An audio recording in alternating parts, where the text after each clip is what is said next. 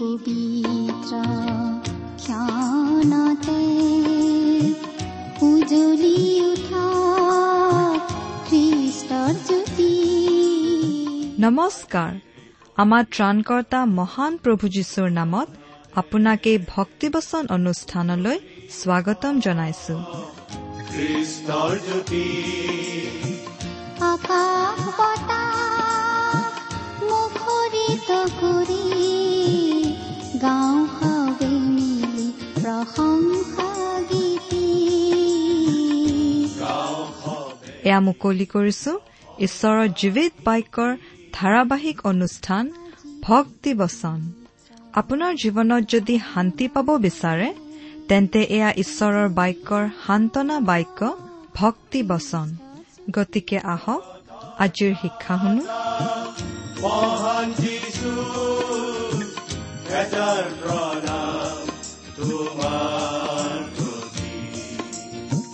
গ্ৰহণ কৰাই ভক্তি বচন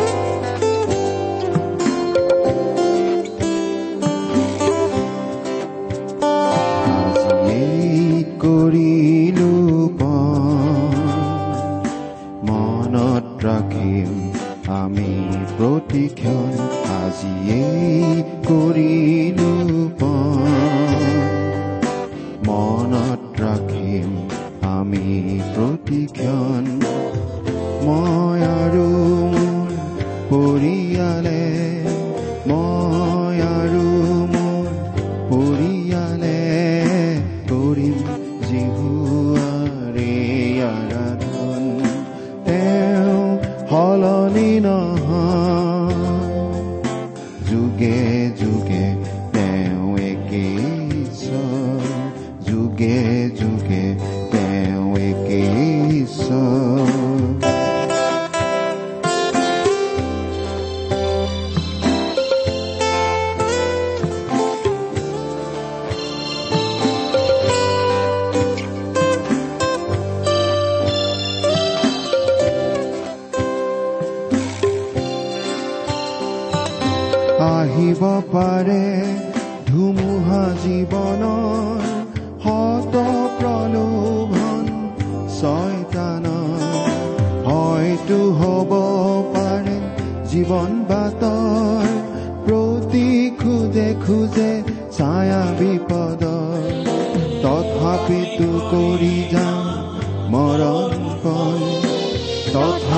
কৰি যাম মৰণ পণ কৰি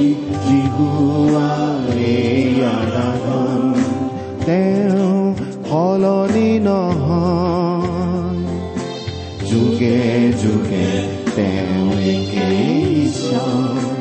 যুগে যুগে তেওঁ আমাৰ পৰম পবিত্ৰ প্ৰভু যীশুখ্ৰীষ্টৰ নামত নমস্কাৰ প্ৰিয় শ্ৰোতা।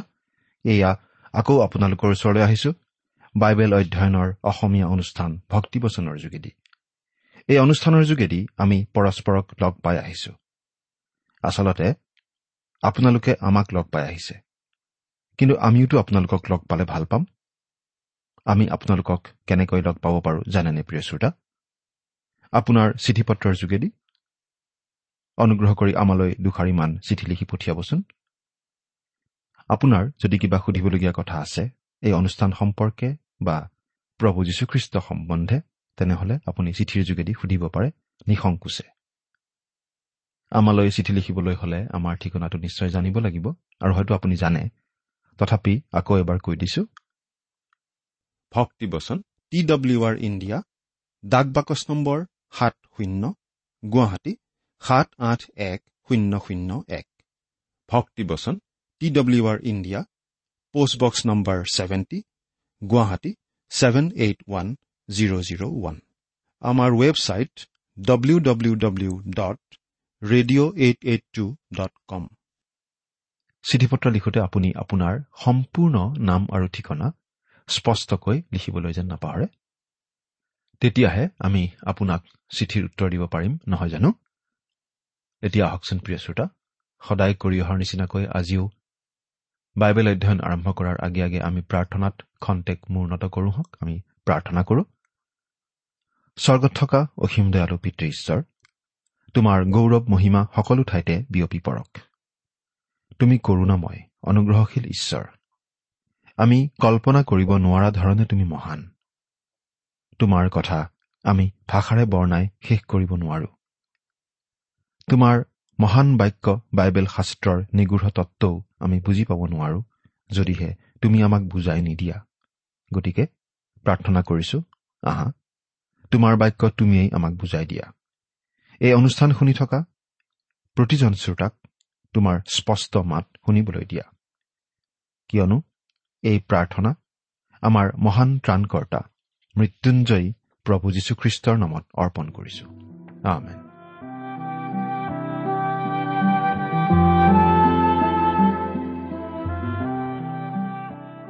প্ৰিয় শ্ৰোতা আপুনি যদি আমাৰ এই ভক্তিবচন অনুষ্ঠানটো নিয়মিতভাৱে শুনি আছে তেনেহলে আপুনি নিশ্চয় জানে যে আমি আজি ভালেমান দিন ধৰি বাইবেলৰ পুৰণি নিয়ম খণ্ডৰ পৰা যাত্ৰা পুস্তক নামৰ পুস্তকখন অধ্যয়ন কৰি আছো। নহয় জানো? আমি ইতিমধ্যে এই যাত্ৰা পুস্তকৰ এঘাৰ নম্বৰ অধ্যায়টোলৈকে আমাৰ অধ্যয়ন আগবঢ়াই আনিলো। গতিকে আজি আমি যাত্ৰা পুস্তকৰ বাৰ নম্বৰ অধ্যায়ৰ পৰা আমাৰ অধ্যয়ন আৰম্ভ কৰিব খুজিছো। এই বাৰ নম্বৰ অধ্যায়টো যাত্ৰা পুস্তকৰ অতি গুৰুত্বপূৰ্ণ অধ্যায়। ইয়াতে আমি প্ৰথম নিষ্ঠাৰ পৰ্ব পালনৰ কথা পঢ়িবলৈ পাওঁ। এই নিষ্ঠাৰ পৰ্বই আচলতে ভৱিষ্যতে জগতৰ ত্ৰাণকৰ্তা হিচাপে আহিবলগীয়া প্ৰভু যীশুখ্ৰীষ্টলৈকে আঙুলিয়াইছিল। বাৰু এতিয়া আমি বাইবেলৰ পৰা পাঠ কৰি দিম। যাত্ৰা পুস্তক বাৰ নম্বৰ অধ্যায়ৰ প্ৰথম আৰু দ্বিতীয় পদ। পাছে জিহুৱাই মিছৰ দেশতে মুচি আৰু হাৰুণক কলে এই মাহেই তোমালোকলৈ সকলো মাহৰ আদি। সেয়ে বছৰৰ সকলো মাহৰ মাজত তোমালোকলৈ প্ৰথম মাহ হ'ব। এই বাৰ নম্বৰ অধ্যায়ৰ পৰা আমি যাত্ৰা পুস্তকৰ এটা নতুন ভাগত সোমাই পৰো। প্ৰথম ভাগটো আছিল প্ৰথম অধ্যায়ৰ পৰা এঘাৰ নম্বৰ অধ্যায়লৈকে। আৰু সেই ভাগটোত আমি ঘাইকৈ মুচিৰ কথাই পাওঁ। অৰ্থাৎ ইছৰাইলৰ উদ্ধাৰকৰ্তাৰ কথা পাওঁ। বাৰৰ পৰা চৈধ্য নম্বৰ অধ্যায়ত আমি পাওঁ মিছৰ দেশৰ পৰা ইছৰাইলক উদ্ধাৰ কৰাৰ কথা। প্ৰথমটো আছিল উদ্ধাৰকৰ্তা আৰু দ্বিতীয়টো উদ্ধাৰ কাৰ্য উদ্ধাৰ কাৰ্যটো আচলতে মুচিয়ে কৰা নাছিল। উদ্ধাৰ কাৰ্যটো প্ৰথমতে তেজৰ দ্বাৰাহে হৈছিল। আৰু সেইটো আছিল নিষ্ঠাৰ পৰ্ব। মিছৰীয়াবিলাকৰ প্ৰথমজাত সন্তানবোৰৰ মৃত্যুৰ ঘটনা। আৰু তাৰ পাছত তেৰ আৰু চৈধ্য নম্বৰ অধ্যায়ত চুফ সাগৰ পাৰ হোৱা আৰু মিছৰীয়াবিলাকৰ সৈন্যদল ধ্বংস হোৱা ঘটনাটো ঘটিছিল ঈশ্বৰৰ অপাৰ ক্ষমতাৰ দ্বাৰা। ঈশ্বৰে মিছৰীয়াবিলাকৰ হাতৰ পৰা ইছৰাইলীয় লোকবিলাকক উদ্ধাৰ কৰি আনিছিল তেজ আৰু শক্তিৰে। আজিও আমি পৰিত্ৰাণ লাভ কৰোঁ তেজ আৰু ঈশ্বৰৰ ক্ষমতাৰে। প্ৰভু যীশুৱে ক্ৰুচৰ ওপৰত যি তেজ বোৱালে সেই তেজে আমাৰ পাপৰ প্ৰায়চিত্ৰ কৰে। পাপৰ বেচ যি মৃত্যু সেই মৃত্যুৰ পৰা আমাক ৰেহাই দিয়ে। আৰু পবিত্ৰ আত্মাৰ শক্তি আৰু ক্ষমতাই এই কথাটো আমাৰ পাপপূৰ্ণ হৃদয়ত বাস্তৱ আৰু অৰ্থপূৰ্ণ কৰি তোলে। আমাৰ পৰিত্ৰাণৰ কামটো সম্পন্ন হয়। প্ৰভু যীশুৱে ক্ৰুচত সম্পন্ন কৰা কাৰ্য আৰু পবিত্ৰ আত্মাই আমাৰ হৃদয়ত কৰা কাৰ্যৰ যোগেদি। এই অধ্যায়টোৰ প্ৰথম আৰু দ্বিতীয় পদত আচলতে আমি পাওঁ এটা জাতিৰ জন্মদিনৰ কথা। ইছৰাইল যেতিয়া মিছৰ দেশত সোমাইছিল তেতিয়া এটা মাত্ৰ পৰিয়াল আছিল। তেওঁলোক ওলাই আহোঁতে এটা জাতি হিচাপে ওলাই আহিছিল। ঈশ্বৰে কিন্তু পৰিয়ালৰ ওপৰত বিশেষ গুৰুত্ব দিছে কাৰণ পৰিয়ালবোৰ লগ লাগি লাগি গঠিত হয় এটা জাতি। আমি তিনি নম্বৰ পদটো পঢ়ি দিম। তোমালোকে ইছৰাইলৰ গোটেই মণ্ডলীক কোৱা এই মাহৰ দশম দিনা তেওঁবিলাকে নিজ নিজ পিতৃবংশ অনুসাৰে প্ৰত্যেক পৰিয়ালৰ নিমিত্তে এটা এটা ভেড়া পোৱালি ল'ব। এই পদটোত দুটা বিশেষ কথা জোৰ দি কোৱা হৈছে। তেজ আৰু পৰিয়াল। ইছৰাইল এতিয়া এটা জাতি হ'ল আৰু ঈশ্বৰে তেওঁলোকক উদ্ধাৰ কৰিব এটা এটা পৰিয়াল হিচাপে এজন এজন ব্যক্তি হিচাপে। প্ৰতি ঘৰতেই একোটাকৈ মেৰ পোৱালি থাকিব লাগিব আৰু সেই মেৰ পোৱালিৰ যোগেদি দুৱাৰৰ কাঠত লগাবলগীয়া তেজৰ কথা বুজোৱা হৈছে। চাৰি নম্বৰ পদ আৰু সেই পোৱালি ভোজন কৰিবলৈ যদি কোনোৰ পৰিয়াল তাকৰ হয় তেন্তে তেওঁ আৰু তেওঁৰ ঘৰৰ ওচৰত থকা ওচৰ চুবুৰীয়াই প্ৰাণীৰ সংখ্যা বুজি এটা ভেড়া পোৱালি ল'ব। তোমালোকৰ এজন এজন মানুহে খাব পৰা শক্তি অনুসাৰে সেই ভেড়া পোৱালিৰ বিষয়ে তোমালোকে লেখ কৰিবা। ঘৰটোৰ বাবে পৰিয়ালটোৰ বাবে মেৰ পোৱালিটো সৰু হ'ব বুলি কোৱা হোৱা নাই। মেৰ পোৱালিটো যথেষ্ট হ'ব। বৰং পৰিয়ালটোহে মেৰ পোৱালিটোৰ কাৰণে যথেষ্ট নহ'ব পাৰে। ঈশ্বৰে পৰিয়ালৰ প্ৰতিজন ব্যক্তিৰ কথা চিন্তা কৰে। প্ৰতিটো পৰিয়ালৰে একোটা মেৰ পোৱালি থাকিব লাগিব। যদি কোনো স্বামী স্ত্ৰী নিঃসন্তান হয় নাইবা ল'ৰা ছোৱালী বিয়া হৈ আঁতৰি যায় তেতিয়া তেনে স্বামী স্ত্ৰীয়ে একে অৱস্থাৰ চুবুৰীয়াৰ সৈতে লগ লাগি মেয়ৰ পোৱালিটো ভগাই ল'ব লাগিব। প্ৰতিটো পৰিয়ালৰ প্ৰতিজন সদস্যই মেয়ৰ পোৱালিৰ ভাগ পাব লাগিব। নিষ্ঠাৰ পৰ্ব পালন কৰা কামটো হ'ব লাগিব ব্যক্তিগত কাৰ্য। বেলেগে কৰি দিব নোৱাৰিব। এই গোটেই জাতিটোৰ পৰিত্ৰাণ বুজালেও গোটেই কাৰ্যটো পৰিয়ালৰ সৈতে জড়িত। পৰিয়ালৰ প্ৰতিজন সদস্যই এই বলি গ্ৰহণ কৰিব লাগিব। নিষ্ঠাৰ পৰ্ব পালনটো পাৰিবাৰিক কাৰ্য। ঈশ্বৰে কোনো ব্যক্তিক কেনেকৈ পৰিত্ৰাণ দিয়ে তাৰ পদ্ধতিটো এনেদৰে প্ৰকাশ কৰি দিছিল। কোনো জাতি বা কোনো পৰিয়ালৰ সদস্য হলেই মানুহে পৰিত্ৰাণ নাপায়। পৰিয়ালৰ প্ৰতিজন লোকে বিশ্বাস কৰিব লাগিব তেতিয়াহে প্ৰতিজনে পৰিত্ৰাণ পাব। ঘৰৰ এজনে প্ৰভু যীশুক বিশ্বাস কৰিলে আন সকলোৱে পৰিত্ৰাণ পাব বুলি কোৱা হোৱা নাই। কিন্তু সকলোৱে বিশ্বাস কৰিব লাগিব তেতিয়াহে সকলোৱে পৰিত্ৰাণ পায়। এতিয়া আমি পাব ধৰিছো মিছৰ দেশৰ ওপৰলৈ নামি অহা এটা ভয়ংকৰ ৰাতিৰ কথা। মিছৰীয়া লোকবোৰৰ ওপৰলৈ নামি আহিব ধৰিছে শেষৰটো অভিশাপ। ইয়াৰ আগৰ উপদ্ৰৱ কেইটাই ইছৰাইলীয় লোক বাস কৰা গোচন অঞ্চলত প্ৰভাৱ পেলোৱা নাছিল যদিও তেওঁলোকে তেতিয়ালৈকে মুক্তি পোৱা নাছিল। কিন্তু এতিয়া তেওঁলোকে মেৰ পোৱালীৰ তেজত বিশ্বাস কৰি পৰিত্ৰাণ পাব লাগিব। পাঁচ আৰু ছয় নম্বৰ পদ।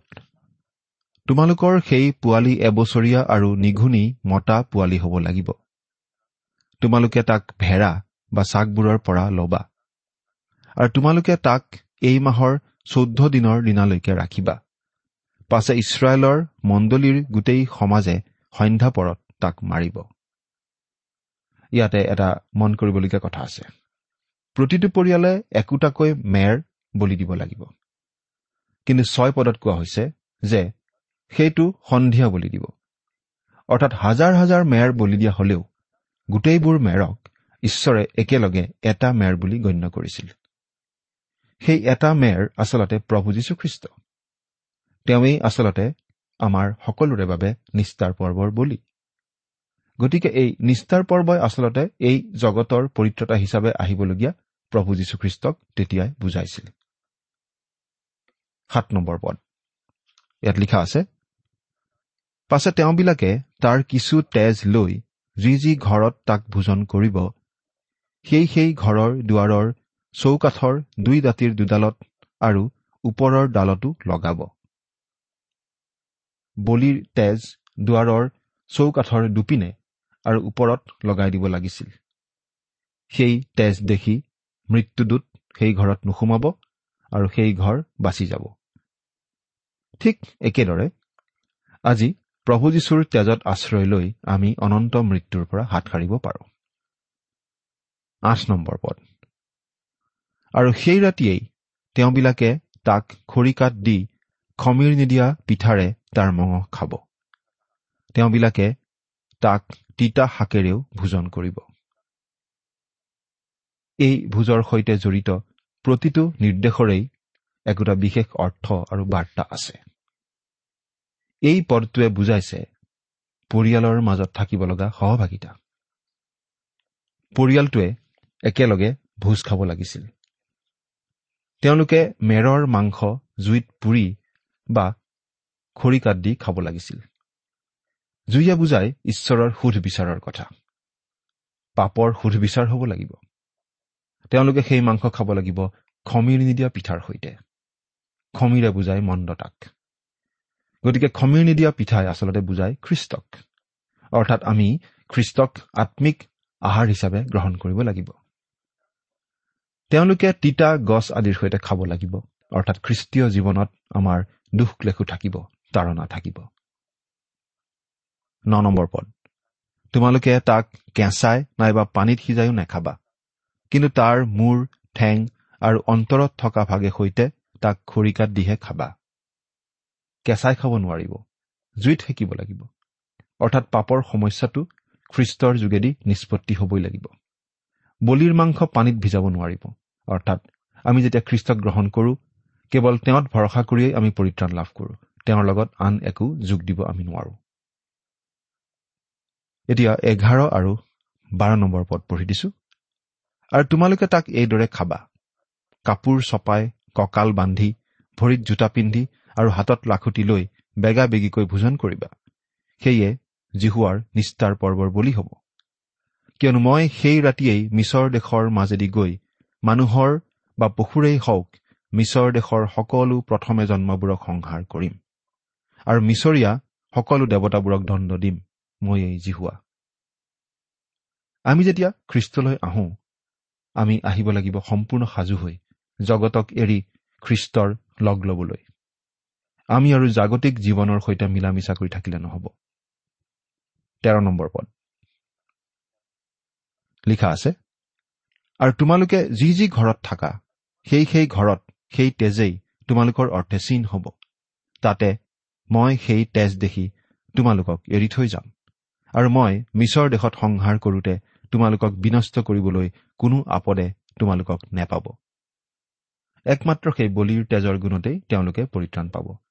সেই তেজ দেখিলে মৃত্যুদূত ঘৰত নোসোমায়। মানুহ পাপী পাপৰ বেচ মৃত্যু। কিন্তু যেতিয়া আমি খ্ৰীষ্টৰ তেজৰ তলত আশ্ৰয় লওঁ তেতিয়া সেই মৃত্যুৱে আৰু আমাক স্পৰ্শ কৰিব নোৱাৰে। আমি লাভ কৰোঁ অনন্ত জীৱন। এতিয়া আমি চৈধ্য নম্বৰ পদৰ পৰা বিশ নম্বৰ পদলৈকে একেৰাহে পাঠ কৰি দিম। আৰু সেই দিন তোমালোকলৈ সোঁৱৰণীয় হ'ব।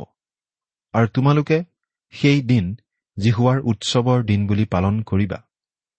পুৰুষানুক্ৰমে চিৰস্থায়ী বিধিমতে তাক পালন কৰিবা। তোমালোকে সাত দিন খমিৰ নিদিয়া পিঠা ভোজন কৰিবা।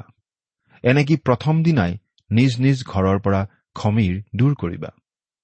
কিয়নো যিকোনোৱে প্ৰথম দিনৰ পৰা সপ্তম দিনলৈকে খমিৰ দিয়া পিঠা খাব তাক ইছৰাইলৰ পৰা উচ্ছন্ন কৰা হ'ব। আৰু প্ৰথম দিনা তোমালোকৰ পবিত্ৰ সভা হ'ব। আৰু সপ্তম দিনাও তোমালোকৰ পবিত্ৰ সভা হ'ব। সেই দুদিন প্ৰতিজন মানুহে খোৱা বোৱা কামৰ বাহিৰে কোনো কাম নকৰিব কেৱল তাকেহে কৰিব। এইদৰে তোমালোকে খমিৰ নিদিয়া পিঠাৰ পৰ্ব পালন কৰিবা কিয়নো সেইদিনাই তোমালোকক সৈন্য শ্ৰেণীক্ৰমে মোৰ দ্বাৰাই মিছৰ দেশৰ পৰা বাহিৰ কৰি অনা হ'ব। এতেকে তোমালোকে পুৰুষানুক্ৰমে চিৰস্থায়ী বিধিমতে সেই দিন পালন কৰিবা। তোমালোকে প্ৰথম মাহৰ চৈধ্য দিনৰ দিনাৰ গধূলিৰে পৰা একৈশ দিনৰ দিনাৰ গধূলিলৈকে খমিৰ নিদিয়া পিঠাহে ভোজন কৰিবা। সাদিনলৈকে তোমালোকৰ ঘৰত খমিৰ নাথাকক। কিয়নো বিদেশী হওক বা স্বদেশীয়েই হওক যিকোনোৱে খমিৰ দিয়া কোনো বস্তু খাব তেওঁক ইছৰাইলৰ মণ্ডলীৰ পৰা উচ্ছন্ন কৰা হ'ব। তোমালোকে খমীৰ দিয়া কোনো বস্তুকেই নাখাবা। তোমালোকে বাস কৰা সকলো ঠাইত খমীৰ নিদিয়া পিঠাহে খাবা। তেওঁলোকে সাতদিন ধৰি খমীৰ নিদিয়া পিঠা খাব লাগিব। ইয়াত মুঠতে সাতবাৰ খমীৰৰ কথা উল্লেখ কৰা হৈছে। খমীৰে বুজাই মন্দতাক আৰু লগতে বুজায় ভুল শিক্ষা ভুল তত্ত্ব। এতিয়া আমি বাইছৰ পৰা তেইছ নম্বৰ পদলৈকে পাঠ কৰি দিম। আৰু এচব বন একোচা লৈ পাত্ৰটোত ধৰা তেজত জুবুৰিয়াই দুৱাৰৰ চৌকাঠৰ ওপৰৰ ডালত আৰু দুই দাঁতিৰ দুডালত পাত্ৰটোত ধৰা তেজৰ পৰা কিছু লগাই দিবা। আৰু ৰাতিপুৱালৈকে তোমালোক কোনেও নিজ নিজ ঘৰৰ দুৱাৰৰ বাহিৰ নহবা। কিয়নো জিহুৱাই মিছৰীয়াহঁতক আঘাত কৰিবৰ নিমিত্তে তোমালোকৰ ওচৰেদি গমন কৰিব। তাতে দুৱাৰৰ চৌকাঠৰ ওপৰৰ ডালত আৰু তাৰ দুই দাঁতিৰ দুডালত সেই তেজ দেখি জিহুৱাই সেই দুৱাৰ এৰি যাব। আৰু তোমালোকক বিনষ্ট কৰিবৰ নিমিত্তে তোমালোকৰ ঘৰত সংহাৰকৰ্তাক সোমাবলৈ নিদিব। আমিও আজি বিশ্বাসেৰে খ্ৰীষ্টৰ তেজ আমাৰ হৃদয়ৰ দুৱাৰত লগাব লাগে। ঊনত্ৰিশ আৰু ত্ৰিশ নম্বৰ পদ। পাঠ কৰি দিছো। পাছে জিহুৱাই ৰাতিৰ মাজ নিশাত সিংহাসনত বহা ফৰৌনৰ জ্যেষ্ঠ পুত্ৰৰে পৰা বন্দী কৰি নি অন্ধকূপত থোৱা লোকৰ বৰপুতেকলৈকে মিছৰ দেশৰ প্ৰথমে জন্মা সকলোবিলাকক আৰু পশুবোৰৰ প্ৰথমে জগাবোৰকো সংহাৰ কৰিলে। তাতে ফৰৌন আৰু তেওঁৰ পাত্ৰমন্ত্ৰী আদি মিছৰৰ সমুদায় লোক ৰাতিয়েই উঠিল আৰু মিছৰত মহাক্ৰদন হল। কিয়নো যি ঘৰত কোনো মৰা নাই এনে ঘৰেই নাছিল। ঈশ্বৰে কথামতে কাম কৰিলে আৰু মেৰৰ তেজ নলগোৱা অৰ্থাৎ মিছৰীয়বিলাকৰ ঘৰৰ প্ৰথম সন্তানবোৰৰ মৃত্যু হল। এতিয়া একত্ৰিশ পদৰ পৰা আঠত্ৰিশ পদলৈকে পাঠ কৰি দিব খুজিছো। তেতিয়া ৰাতিয়েই ফৰৌনে মুচি আৰু হাৰুণক মতাই নি কলে উঠা। তোমালোক আৰু ইছৰাইলৰ সন্তানবিলাকো মোৰ প্ৰজাবিলাকৰ মাজৰ পৰা বাহিৰ হৈ যোৱা হওক আৰু তোমালোকে কোৱাৰ দৰেই জিহুৱাৰ সেৱা কৰাগৈ। তোমালোকে কোৱাৰ দৰেই নিজ নিজ ভেড়া চাগ আৰু গৰু আদিৰ জাকবোৰকো লৈ যোৱা আৰু মোকো আশীৰ্বাদ কৰি যোৱা। তেতিয়া মিছৰীয়াহঁতে লোকবিলাকক শীঘ্ৰেই দেশৰ পৰা পঠাবৰ নিমিত্তে তোতাতৈয়া লগালে। কিয়নো সিহঁতে কলে আমি সকলোবিলাক মৰা পৰিলো। তাতে লোকবিলাকে খমীৰ নিদিয়াকৈ সুদাই সনা নিজ নিজ আটা গুৰি লৈ নিজ নিজ সনা পাত্ৰ গাৰ কাপোৰত বান্ধি নিজ নিজ কান্ধত ললে। আৰু ইছৰাইলৰ সন্তানবিলাকে মুচিৰ কথাৰ দৰেই কৰিলে। তেওঁবিলাকে মিছৰীয়াহঁতৰ পৰা সোণ আৰু ৰূপৰ অলংকাৰ আৰু বস্ত্ৰও খুজি খুজি ললে। আৰু জিহুৱাই মিছৰীয়াহঁতৰ আগত লোকবিলাকক অনুগ্ৰহপ্ৰাপ্ত কৰিলত তেওঁবিলাকে খোজাৰ দৰেই তেওঁবিলাকক দিলে। এইদৰে তেওঁবিলাকে মিছৰীয়াহঁতক লুট কৰা যেন কৰিলে। পাছে ইছৰাইলৰ সন্তানবিলাকে ৰামিছেছৰ পৰা চুকুতলৈ যাত্ৰা কৰি গ'ল। তেওঁবিলাক ল'ৰা তিৰোতাত বাজে ছয় লাখ পদাতিক পুৰুষ আছিল। তাত বাজে নানা জাতীয় লোকসমূহ আৰু ভেড়া চাগ গৰু আদি অতি অধিক পশু তেওঁবিলাকৰ লগত গ'ল। উপায়ন্তৰ হৈ মিছৰীয়াবিলাকে ইছৰাইলীয় লোকক খেদি পঠিয়ালে। মুঠতে দহ লাখতকৈও অধিক লোক এনেদৰে মিছৰ দেশৰ পৰা ওলাই আহিল। কিছুমান মিশ্ৰিত জাতিৰ লোকো আহিছিল। এওঁলোক মিছৰীয়া আৰু ইছৰাইলীয় লোকৰ মাজত হোৱা বিবাহৰ ফলত সৃষ্টি হোৱা লোক আছিল। কিন্তু এওঁবিলাকেই পিছলৈ ইছৰাইলীয়ৰ লোকবিলাকৰ বাবে সমস্যাৰ সৃষ্টি কৰিছিল। ঊনচল্লিছৰ পৰা বিৰাল্লিছ নম্বৰ পদ। ইয়াত আমি সেই নিষ্ঠাৰ পৰ্ব পালনৰ কথা পাওঁ। আৰু এনেদৰে নিষ্ঠাৰ পৰ্বৰ আৰম্ভণি হ'ল আৰু সেই পৰ্ব আজি পৰ্যন্ত পালিত হৈ আছে। সাতচল্লিছ আৰু আঠচল্লিছ পদ পঢ়িলে আমি বুজি পাওঁ যে কোনো পৰজাতীয় লোকে ইচ্ছা কৰিলে তেওঁলোককো ইছৰাইলীয় লোকে নিজৰ লোক বুলি গ্ৰহণ কৰিব পাৰিছিল। এতিয়া আমি তেৰ নম্বৰ অধ্যায়ৰ পৰা অলপ চাব খুজিছো। একৰ পৰা তিনি নম্বৰ পদলৈকে পাঠ কৰি দিম। পাছে জিহুৱাই মুচিক কলে ইছৰাইলৰ সন্তানবিলাকৰ মানুহৰেই হওক বা পশুৰেই হওক গৰ্ভভেদ কৰি ওলোৱা সকলো প্ৰথম গৰ্ভফল মোৰ উদ্দেশ্যে পবিত্ৰ কৰা সি মোৰেই। পাছে মুচিয়ে লোকবিলাকক কলে তোমালোকে বন্দীঘৰ স্বৰূপ মিছৰৰ পৰা ওলাই অহা এই দিন সোঁৱৰিবা কিয়নো জিহুৱাই বাহুবলেৰেই তোমালোকক তাৰ পৰা বাহিৰ কৰি আনিলে। আৰু খমীৰ দিয়া ভোজন কৰা নহ'ব। ঈশ্বৰে ইছৰাইলীয় লোকসকলৰ প্ৰথম সন্তানবোৰ নিজলৈ বুলি দাবী কৰিছে অৰ্থাৎ জীৱনত প্ৰথম স্থান ঈশ্বৰক দিব লাগিব সেই কথা তেওঁ শিকাইছে। পাঁচ পদৰ পৰা আঠ নম্বৰ পদলৈকে পাঠ কৰিম। আৰু কনানিয়া হিতিয়া ইমুৰীয়া হিব্বিয়া আৰু জিবুচীয়া লোকবিলাকৰ যি দেশ তোমালোকক দিবলৈ জিহুৱাই তোমালোকৰ ওপৰ পিতৃবিলাকৰ আগত শপত খাইছিল সেই গাখীৰ মৌজোল বৈ থকা দেশত। যেতিয়া তেওঁ তোমালোকক সুমুৱাব তেতিয়াও তোমালোকে এই মাহতে এই সেৱাৰ কাৰ্য কৰিবা।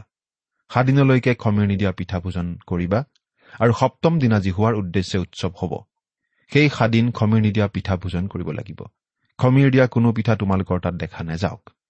আৰু তোমালোকৰ গোটেই সীমাৰ ভিতৰতো তোমালোকৰ তাত খমিৰ দেখা নাযাওক। আৰু সেইদিনা তুমি তোমাৰ পুত্ৰক ইয়াকে জনাবা যে মিছৰৰ পৰা আমি ওলাই অহা সময়ত জিহুৱাই আমালৈ যি কৰিছিল তাৰ কাৰণে ইয়াক কৰা হৈছে। ঈশ্বৰে প্ৰতিষ্ঠা কৰা সেই নিষ্ঠাৰ পৰ্ব আৰু খমিৰ নিদিয়া পিঠাৰ পৰ্ব বংশানুক্ৰমে চলি থাকিল আৰু এতিয়াও চলি আছে। কিন্তু যেতিয়া প্ৰভু যীশু আহিব আৰু এই পৃথিৱীত তেওঁৰ এহেজাৰ বছৰীয়া ন্যায় শাসন প্ৰতিষ্ঠা কৰিব তেতিয়াহে এই নিষ্ঠাৰ পৰ্বৰ প্ৰকৃত আনন্দ তেওঁলোকে উপভোগ কৰিবলৈ পাব। প্ৰিয় শ্ৰোতা আমি প্ৰতিজন খ্ৰীষ্টীয় বিশ্বাসীয়ে আচলতে জীৱনৰ প্ৰতিটো মুহূৰ্ততে নিষ্ঠাৰ পৰ্বৰ আনন্দ উপভোগ কৰিব পাৰোঁ। ঈশ্বৰে মিছৰ দেশৰ বন্দী অৱস্থাৰ পৰা ইছৰাইলীয়া লোকবিলাকক উদ্ধাৰ কৰি অনাৰ নিচিনাকৈ আজি প্ৰভু যীশুখ্ৰীষ্টৰ যোগেদি আমাকো ছয়তানৰ কবলৰ পৰা পাপৰ বন্ধনৰ পৰা উদ্ধাৰ কৰি আনে। সেই কথা মাত্ৰ বিশ্বাস কৰি প্ৰভু যীশুক ত্ৰাণকৰ্তা বুলি আমি গ্ৰহণহে কৰিব লাগে। সেই কাম বাৰু আপুনি কৰিছেনে? চিন্তা কৰি চাওকচোন। ঈশ্বৰে আপোনাক আশীৰ্বাদ কৰক। আহমেন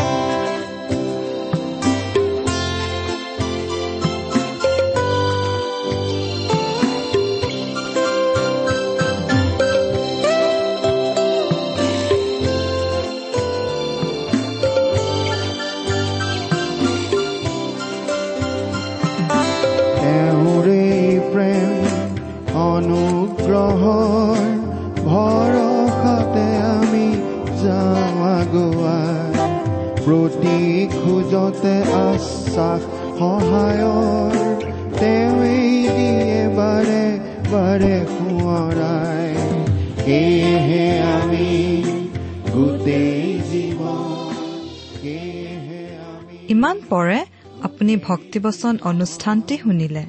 এই বিষয়ে আপোনাৰ মতামত জানিবলৈ পালে আমি নথৈ আনন্দিত হ'ম। আমি প্ৰস্তুত কৰা বাইবেল অধ্যয়নৰ আন চিডিসমূহ পাব বিচাৰিলেও আমালৈ লিখক। অনুষ্ঠানটি শুনি কেনে পালে আমালৈ চিঠি লিখি জনাবচোন? অনুষ্ঠানত প্ৰচাৰ কৰা কোনো কথা বুজিব লগা থাকিলেও আমালৈ লিখক। আমাৰ ঠিকনা? ভক্তিবচন ট্ৰান্স ৱৰ্ল্ড ৰেডিঅ' ইণ্ডিয়া ডাক বাকচ নম্বৰ সাত শূন্য গুৱাহাটী সাত আঠ এক শূন্য শূন্য এক। ঠিকনাটো আৰু এবাৰ কৈছো। ভক্তিবচন ট্ৰান্স ৱৰ্ল্ড ৰেডিঅ' ইণ্ডিয়া ডাক বাকচ নম্বৰ সাত শূন্য গুৱাহাটী সাত আঠ এক শূন্য শূন্য এক। আমাৰ ইমেইল এড্ৰেছটো হৈছে S M is T T B at the rate radio' eight eight two dot com. আমাৰ website W W W dot T W R dot in. আপুনি টেলিফোনৰ মাধ্যমেৰেও আমাক যোগাযোগ কৰিব পাৰে। আমাৰ টেলিফোন নম্বৰটো হৈছে শূন্য তিনি ছয় এক দুই ছয় শূন্য চাৰি ছয় সাত এক। ফোন নম্বৰটো আকৌ এবাৰ কৈছো zero' three six one two six zero' four six seven one. আজিৰ অনুষ্ঠানটি ইমানতে সামৰিছো। ঈশ্বৰৰ শান্তি আৰু অনুগ্ৰহ আপোনাৰ লগত থাকক। ধন্যবাদ।